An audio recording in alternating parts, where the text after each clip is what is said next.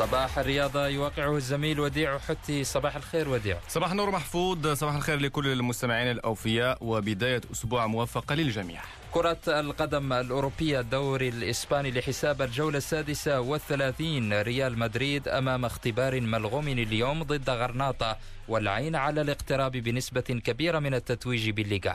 يوم الامتحان يعز زيدان أو يهان هو العنوان الرئيس لمباراة ريال مدريد ضد المضيف غرناطة والتي تعد مفتاح النادي الملكي لوضع اليد الأولى على لقب الليغا.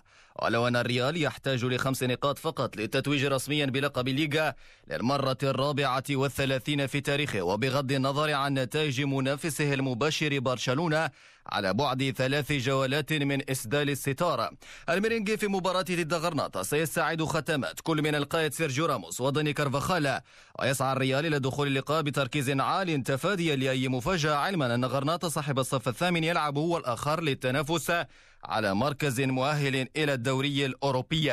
فوز الريال أمام غرناطة مساء اليوم وتعثر برشلونة بالتعادل أو الخسارة ضد أوساسونا. الخميس المقبل سيمنح الليغا رسميا لرفاق كريم بنزيما. مباراة ريال مدريد مستمعين الأوفياء ضد غرناطة تنطلق في تمام الساعة التاسعة من مساء هذا اليوم. وفي أبرز نتائج الدوري الإسباني اليوم أمس لحساب الجولة الخامسة والثلاثين دائما. واصل إشبيلية عزف نغمة الانتصارات بعدما حقق فوزا صعبا على ضيف ريال مايوركا بهدفين نظيفين حيث سجل الهدف الثاني للنادي الأندلسي الدولي المغربي يوسف نصيري في مباراة شهدت أيضا تألق مواطنه في الفريق الحارس المغربي ياسين بونو الذي عاد إلى الرسمية بعد إصابة الحارس الرسمي لإشبيلية وبهذه النتيجة بات النادي الأندلسي في المركز الرابع واقترب من حسم آخر بطاقات دوري الأبطال وفي آخر أبرز نتائج الأمس ليغانيس هدف فالنسيا لا شيء. نواصل جولتنا الأوروبية هذه المرة بالدوري الإنجليزي الممتاز ومنافسات الجولة الخامسة والثلاثين حيث تزين أمس ديربي لندن الناري بألوان توتنهام على حساب الجار أرسنال. ولأن العبرة بالخواتيم قلب سبيرز تأخرهم بهدف لانتصار بهدفين لهدف واحد. هدف النقاط الثلاث جاء في الدقيقة الحادية والثمانين عبر توبي ألدرفيريلد وافتتح أرسنال التسجيل في الدقيقة 16 بصاروخية رائعة من على حدود منطقة الجزاء عبر لاجازيتا. ثلاث دقائق بعدها سيأتي رد توتنهام بهدف التعديل عبر الكوري سونا.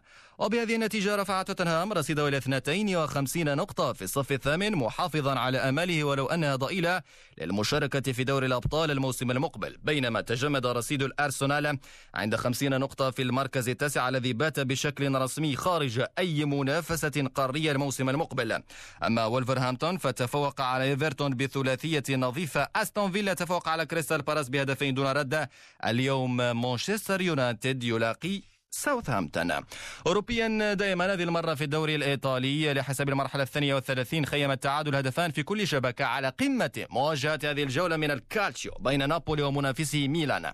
وخيمت على مباراة أجواء صراع الفريقين على مقعد مؤهل للدوري الأوروبي. وبهذا التعادل أصبح رصيد نابولي 52 نقطة في المركز السادس أمام ميلان بفارق نقطتين فقط. أما اليوم في الدوري الإيطالي دائما إنتر ميلان يستقبل تورينو. نختم جولتنا الرياضية برياضة الجولف ومنافسات Workday Charity ضمن سلسلة المحترفين الأمريكية PGA Tour حيث توج أمس الأمريكي الشاب كولين موريكاوا باللقب بعد منافسة شرسة مع مواطنه جاستن توماس التي انتهت في ال playoff لصالح موريكاوا. الأخير حقق ست ضربات تحت ال par في الجولة الرابعة قبل أن يتفوق على جاستن في ال playoff ليحقق لقبه الثاني فقط في ال PGA نذكر مستمعينا الأوفياء أن الأسبوع المقبل ستشهد عودة المخضرم تايجر وودز إلى المسالك الخضراء بعد خمسة أشهر من الغياب عبر بطولة الميمور ال Memorial بهذا مستمعينا الأوفياء نكون قد بلغنا آخر محطات عدد اليوم من صباح الرياضة نشكركم على حسن الإصغاء والمتابعة. أما اللحظة فأعيد الخط إلى زميلي محفوظ ولد السالك لاستكمال باقي فقرات صباح الخير ميديا. شكرا لك وديع.